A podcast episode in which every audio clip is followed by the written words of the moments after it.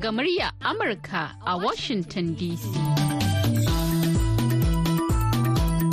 Masu sauraron mu Assalamu alaikum barkanmu da wannan lokaci shirin yau da gobe ne kuke saurara daga nan sashen Hausa na murya Amurka a birnin Washington DC akan mitoci 25 da da kuma 41. Ana kuma iya kama mu a birnin Yamai na jamhuriyar Nijar a VOA Africa kan mita 200.5 zangon FM. Sai kuma wasu tashoshin na zangon fm a jamhuriyar nijar da suka hada da rediyo amfani da sarauniya da kuma niyya a can kuma sai ƙasar ghana kuma za a iya kama mu ta alfa rediyo sannan za a iya jin yanar gizo a voahausa.com ko kuma sashen hausa.com sunana zahra aminu fage. Alhamis 22 ga watan Fabrairu na shekarar 2024. Shirin yau da gobe zai leƙa kamaru tare da wakiliyarmu Maimunatu Sado, inda a yau shirin zai tattauna akan yadda matsalar taɓarɓarewar arziki ke shafar rayuwar matasa a kamaru. Sannan kuma za mu leƙa filin girke-girkenmu sai a gyara zama a kasance tare da shirin yau da gobe.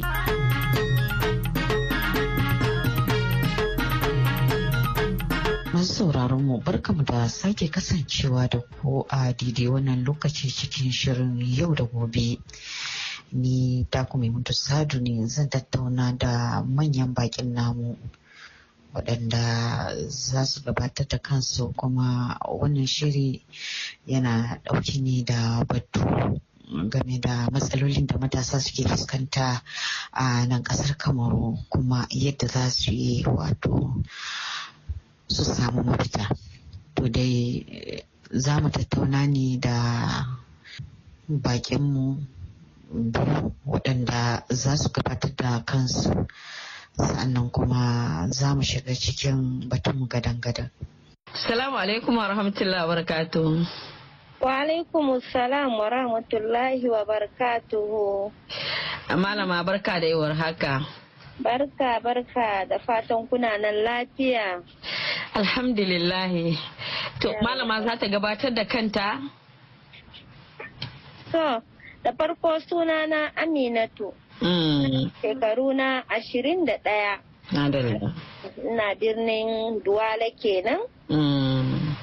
Eh, to kuma ina sana'ar yin kera yin tukane. Madalla. To malama Amina kamar da kika ce kina sana'ar yin tukane. Shin Eh. ku kuke sarrafa wayannan tukanen ko dai a'a saye da sayarwa kuke yi ko kuma kuna sarowa ne kuna saidawa wasu? Kai, mu muke sarrafa su. Ni dai kuma zan yi ce na fara yin wannan sana'ar ne tun ina 'yar shekaru goma sha huɗu zuwa sha biyar. A halin yanzu dai na kwashe shekaru nake ji shida zuwa bakwai inda nake wannan sana'a kuma da kawuna muke yin wannan sana'a. Madalla wato ya yi ƙoƙari ya nuna miki kenan tun kina 'yar matashiya kenan har izuwa yanzu. Eh, Kuma Mm. kuma kina ƙoƙari sanin cewa ainihi wato matasa da dama suna fuskantar matsaloli a nan ƙasar kamaru.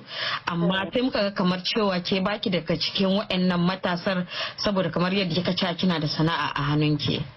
Sosai kuwa ina da sana'a na. Domin a gaskiya kin san babu yadda za a yi a ce ba ta da tukunya. A kodayaushe kuma gaskiya yana wucewa alhamdulillah. Sai dai a halin yanzu da muke fama matsalar wutan lantarki kamar yadda muka sani a duk ƙasar nan.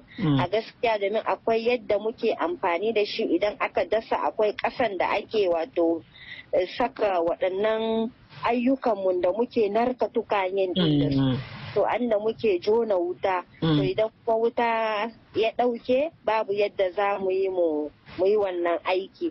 Ake ga wani hakan muke amfani ma da janareto gaskiya ni kan bani da matsala.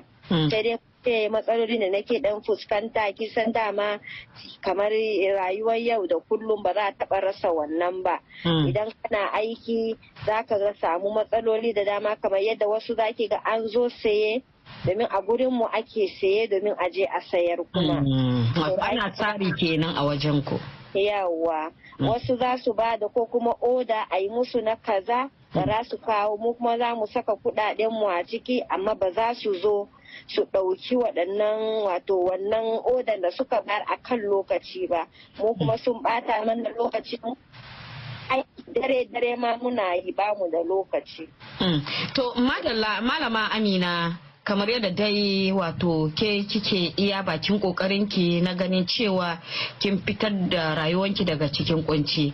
Na tabbata cewa kin saurari jawabin shugaban ƙasar kamaru fulbiya wanda ya yi a yayin bikin matasa da wato ya wuce to ranar lahadi 11 ga watan fabrairu wanda ainihi sababbin biki ne na matasa wanda ake yi a nan ƙasar kamaru. Karo na hamsin da takwas kenan da aka yi kuma na tabbata cewa kin saurari wannan jawabi na shugaban kasa. Me kika fahimta cikin jawabin shugaban ƙasar? To a yadda na fahimci jawabin da shugaban mu Fulbiya ya yi a gaskiya ba shi da ra'ayin sanja wannan ƙasa. Domin na buƙata ne matasa musamman kamar mu mu ci gaba da wato kunci a nan ƙasar Kamaru. Ga waɗanda suka saka hankalinsu da wato suna buƙatar wato su kuntata ma kansu. Domin kai maganan cewa 'yan cirani ma su daina tafiya cirani akwai a nan ƙasar kamaru. Babu ayyuka sai dai kamar irin wannan aikin da nake yi na sarrafa tukane ko kuma wasu dai ayyuka na sana'o'in hannu. To wanda kuma masa galibin matasanmu ba su yin waɗannan aikin. Kin ga kamar ni yanzu a matashiya 'ya mace ana mamaki da dama ta ya za a yi a ce ya mace kamar ni ina wannan aiki kuma aikin ƙarfi ne kowa ya sani. Akwai zafi a wannan gurin. To kin ga wasu matasan babu yadda za su su ce su bu su isa su yi wannan aiki irin aiki kuma da dotti da sauransu ba. Domin lokacin da nake aiki da kuma lokacin da bana aiki daban ne. Wallahi duniya biyu ne kamar yadda faransa take faɗa domin da jifiran ne. To gani yanzu ni a yanda dai na fahimci wannan jawabin shugaban kasa baya son a sani wato ya sanja tafiyar kasa sai dai kawai a ci gaba da kuntata ni yanzu na kira yan uwana matasa su mayar da hankali mu nemi mu kama sana'o'in hannu domin mu tafiyar da rayuwarmu kamar yadda ya kamata. Masu sauraron mu har yanzu dai kuna tare ne da sashen Hausa na murya Amurka a cikin shirin yau da gobe.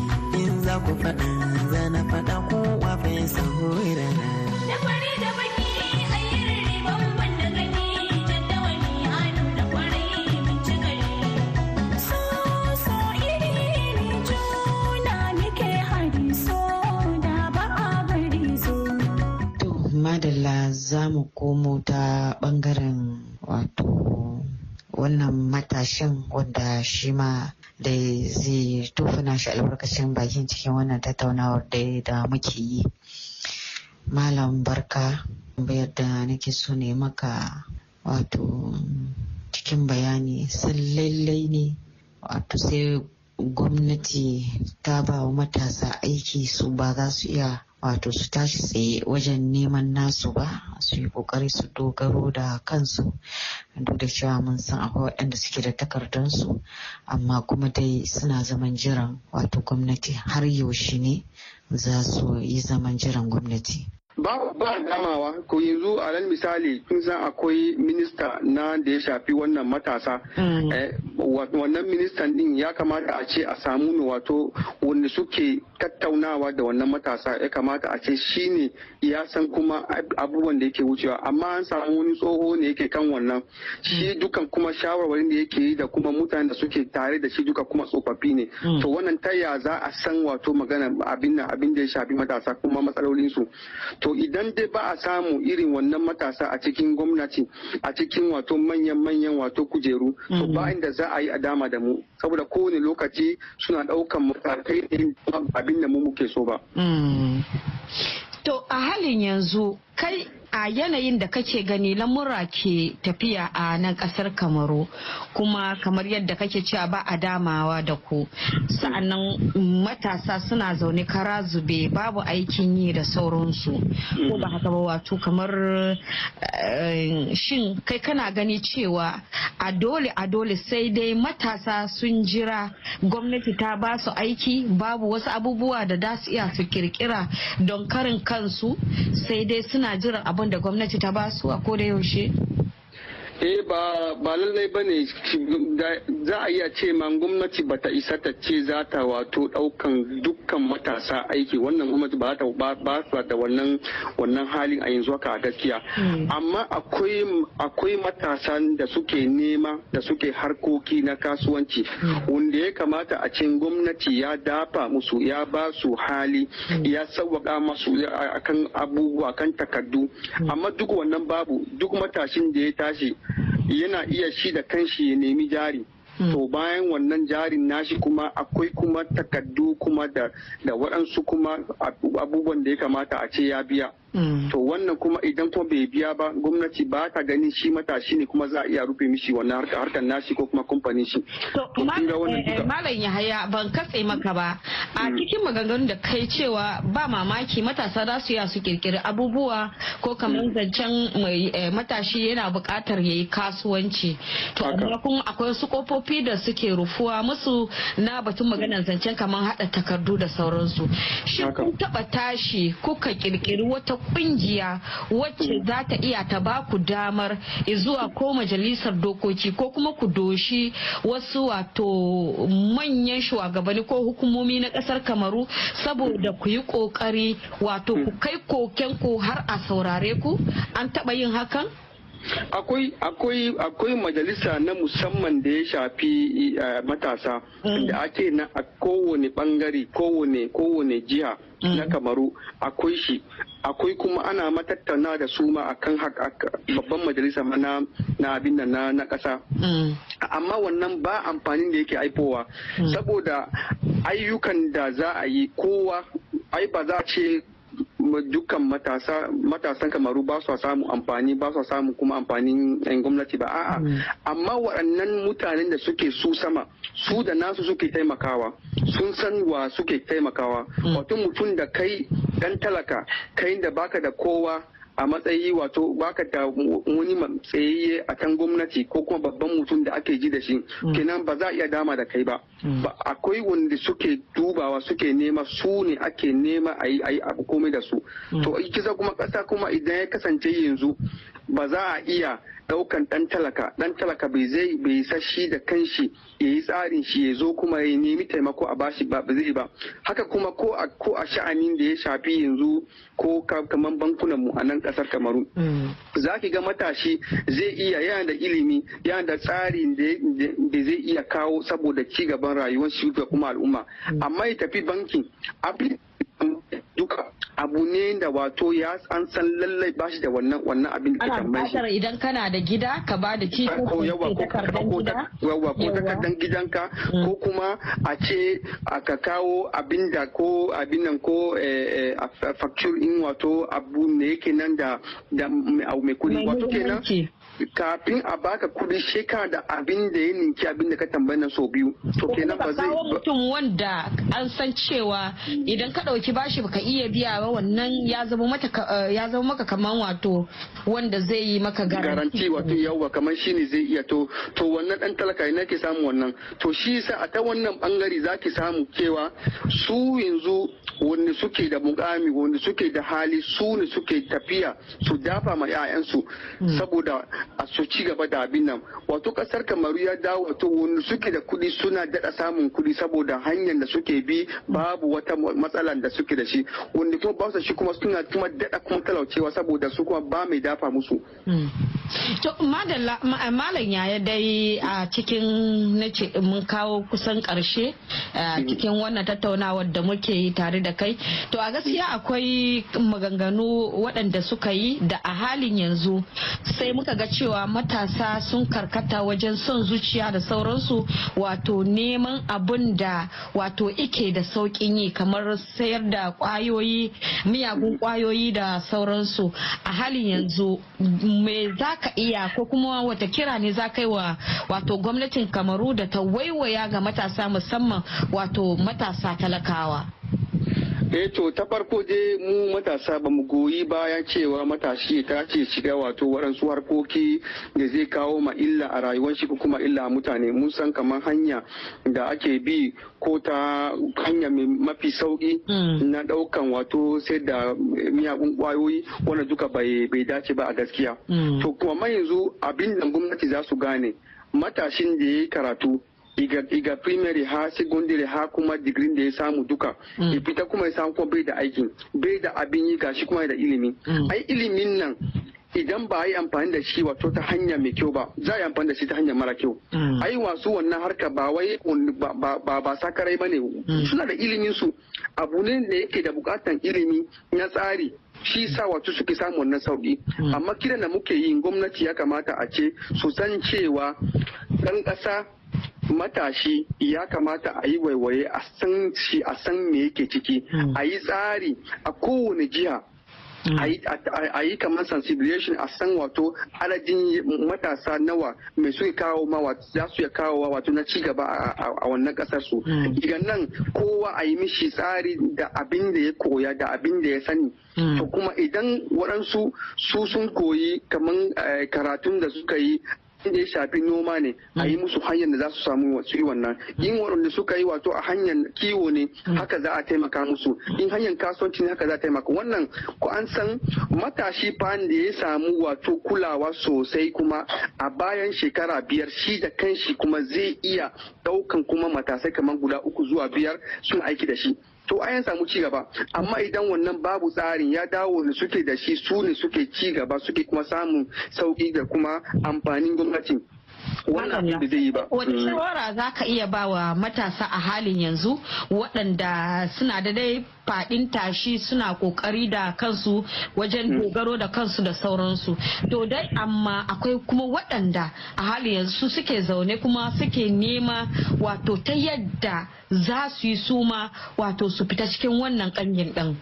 Eh to haka ne. Abinda za mu iya kira ga matasa mu san cewa kome da lokacinsa. A yi haƙuri a jure a kuma kara rashi ko kuma rashin samun aiki ko kuma samun zari ya sa ka shiga cikin wato halin da wato zai sa maka illa a rayuwanka kuma illa rayuwar 'yan ƙasar ka ka yi haƙuri.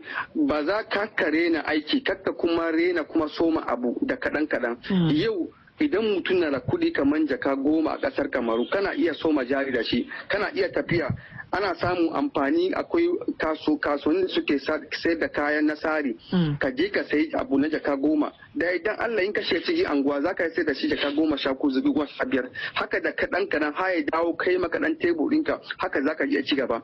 To kenan kar a zauna a jira. Jiran ne ke kawo wato ma yara su wato su rashin haƙuri kawo ya ci musu har su shiga kuma wani su hali. Yau zan tafiya ta ba zan zauna ba.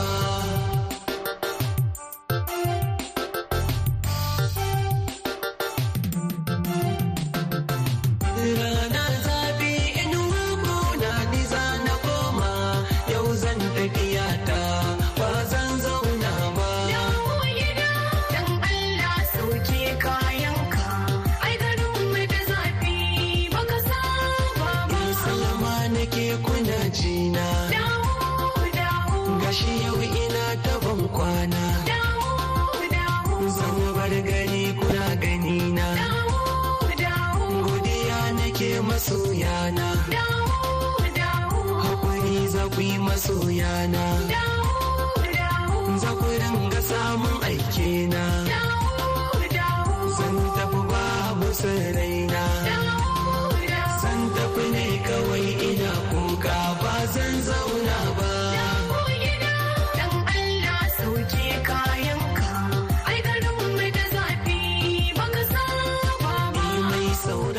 sauraron mu za mu tattauna da masani kan harkokin siyasar kamaru joseph awana wanda zai fayyace mana yadda ainihin matasar kamar suke fuskantar matsaloli da kuma su da kuma ainihin yanayi yadda wato aka samu asalin wannan bikin na matasa da kuma ainihi wato yadda ke gudana a nan ƙasar kamaru. La jeunesse est un atout, c'est un atout majeur. Matasa sun yawaita a Kamaru sannan kuma akwai arziki tattare da su kuma suna da ƙarfi da hazaƙa da hangen nesa kuma matasanmu suna son gasa sosai masu kirkire-kirkire ne saboda matasan suna da ƙoƙari wajen neman nasu akwai wani labari da aka wallafa da na karanta wani matashi ne dan asalin kamaru mai shekara goma ta sha takwas wanda ya kirkiri wato albarkatun man fetur ta wani yanayi daban gani dan asalin ne. Amma kuma abin takaici bai samu goyon baya ba. Babu wanda ya yi ƙoƙari ya dafa masa. Sanin cewa an kirkiri wani ofishin minista mai kula da ƙananan masana'antu saboda ƙoƙarin ba da gudunmawa ga ainihin matasa.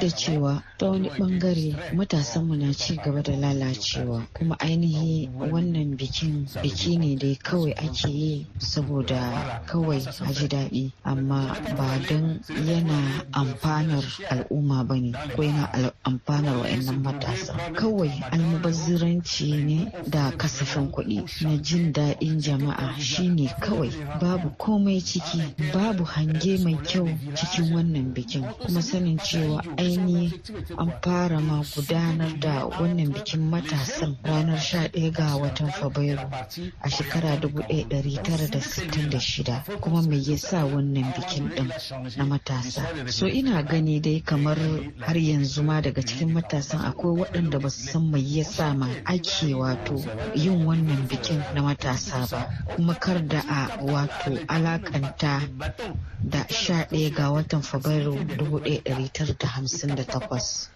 saboda wannan bai shafi ainihi wato bikin na nan ƙasar kamaru ba. Wanda ya shafe mu shine na sha ɗaya ga watan fabrairu wanda aka fara shi a shekara 1966 wanda ainihi amadu ayijo ya sa gudanar wannan bikin saboda ƙoƙarin haɗa kan matasa na ɓangarori biyu wanda akwai kamaru oriental wato akwai kamaru sashen renon ingilishi da kamaru sashen renon faransanci wanda ake ƙoƙari a samu haɗin kan wa'annan wato matasan. Ta wannan ɓangare ne har tsohon shugaba amadu ayijo ya sa maimako ainihi kamaru ta zamo wato tarayya ta kasance ainihi wato jamhuriyar kamaru aka mai da jamhuriyar kamaru inda dai abun daga baya ya zo lallashe aka samu rarrabuwar kawuna saboda yaƙin duniya na biyu. Kafin mu karkare shirin namu za mu leƙa filin kwalamar mu.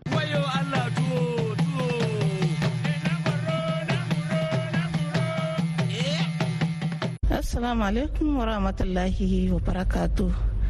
Muryar Amurka to muna muku fatan alheri. Sunana Maryama Amadu za mu muku yau dan takaitaccen dan girke-girken da muke yi. Musamman ma zan fara da harkar a ci a sharuwa. A ci a sharuwa ana ce mishi shu. ko kuma a ce mishi kabeji ba duk guda ne. Kabeji yau shine za muku. Yanzu kamar idan ka samu shukinka ko in ce a ci a sha ruwa ko in ce kabeji za ka ɗauko shi ka duba shi ka gani in bai da tsutsa ko kaɗan ka duba ka gani. Eh kowanne in ka ɗauko shi tunda kowanne ma zai kasance cewa in ya kai fagen ya kosa ƙwarai ƙwarai za a iya samun tsutsa a tare da shi.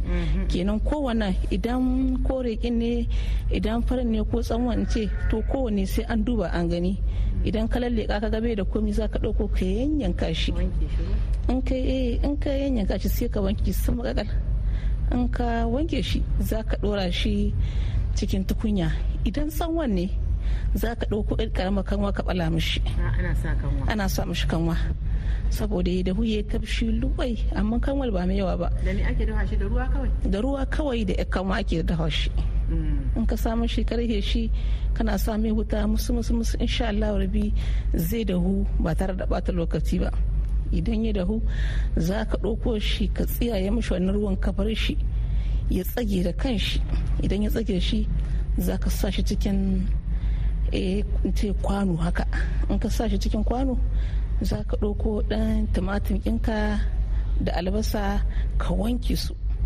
Idan eh kamar yanzu kin san tarugu wani in ya tamana shi haka bakin shi yana jin zahi to shi a tarugun sai mu sa shi a cikin kuli-kuli da kuli-kuli eh da kuli-kuli muke da kashi yanzu kamar ka ɗauko kuli-kulin ka ka gyara shi kuli-kulin ke mai kyau saboda ƙura ma sa'anan za ka iya sa mishi ruwa ka walwala shi ka dan wanke shi. Sai ka sa cikin turmi. Sai ka ɗauko ɗan gishiri ɗan kaɗan ba mai yawa ba. Sai ka sa. Ka sa yar citta sai ka ɗauko yar guje miya yar ƙarama ka sa. Sai ka ɗauko ɗan masoro ɗan kaɗan ƙwara ka sa haka a cikin shi. Sai ka ɗauko tafarnuwa busassa sai ka zuba a ciki. Da ɗaran mashi sai ka sa. Sai ka eh magi ba. Sai ka sa. Idan ka daka shi ya da kulukuye da kulukuyi kuma sai ka ɗauko tarugun nan sai ka saka a ciki. Da zaran ka sa za ka ji kuma kulikulin nan ya da ku yana kamshi wani irin kamshi mai daɗi. Za ka ji shi kamshin ga shi a tarugu yana tashi kamshin a tarugu kuma ga su tafarnuwa ga kayan wannan da ka haɗa ɗin za ka ji wani irin kamshi irin kamshi nan da yake tada kwaɗayi. Yawwa sai ka shi kai wai wannan wai nama ne ma ko menene? Sai ka rasa ma ko ma menene kamshin. To sa'an nan wannan shuɗin naka ka riga ka sa shi a ta sharuwan ka sa cikin kwano ka ɗauko maka ɗan albasa ka wanke da ɗan tumatir ɗanye ka wanke sai ka yanyanka. Idan ka yanyanka albasan nan ka yanyanka tumatir ɗin nan sai ka ka kuli kulin nan sai ka zuba a cikin su ka balbada a ciki eh. Idan ka balbada idan mai buƙatar yana son dan lemu ne zai iya matsa kaɗan. Idan kuma mutum bai buƙatar dan lemun tsami bai sawa. Tunda ko ni ra'ayi ne ko abin da yake so. To idan wannan abubuwan suka haɗu aka samu aka shukuɗa shi aka yamatsa shi ya haɗu. Wallahi wallahi ina ganin in dai abinci ne lahiyayye mai gina jiki.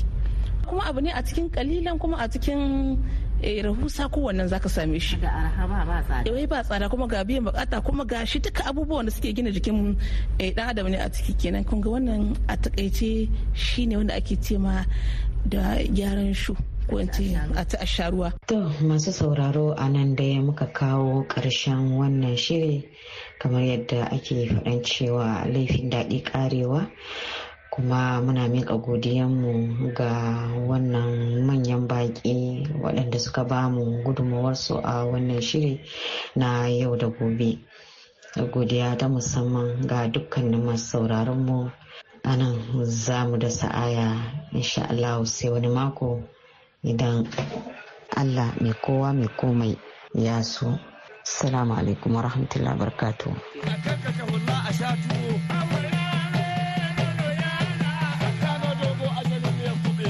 jama'a masu sauraro da haka muka kawo ƙarshen shirin a wannan lokaci a madadin waɗanda kuka ji muryoyinsu musamman ma wakiliyar mu a Kamaru Maimunatu Sado da wadda ta daidaita mana sauti wato Julie Leathers Gresham da dukkanin abokanan aiki da suka ba da gudunmawa a cikin wannan shirin. Ni Zahra Aminu Fage daga nan birnin Washington DC nake sallama da ku ku huta lafiya.